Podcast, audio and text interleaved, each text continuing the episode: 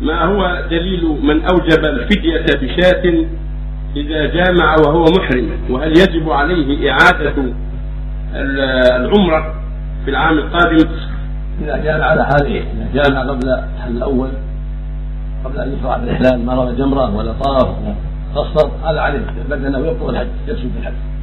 أما إذا كان بعد التحلل الأول بعد ما رمى جمرة هذا يعني الشاة فقط. والحجة في هذا ما أفتى به الصحابة جماعة من أصحاب النبي عليه الصلاة والسلام.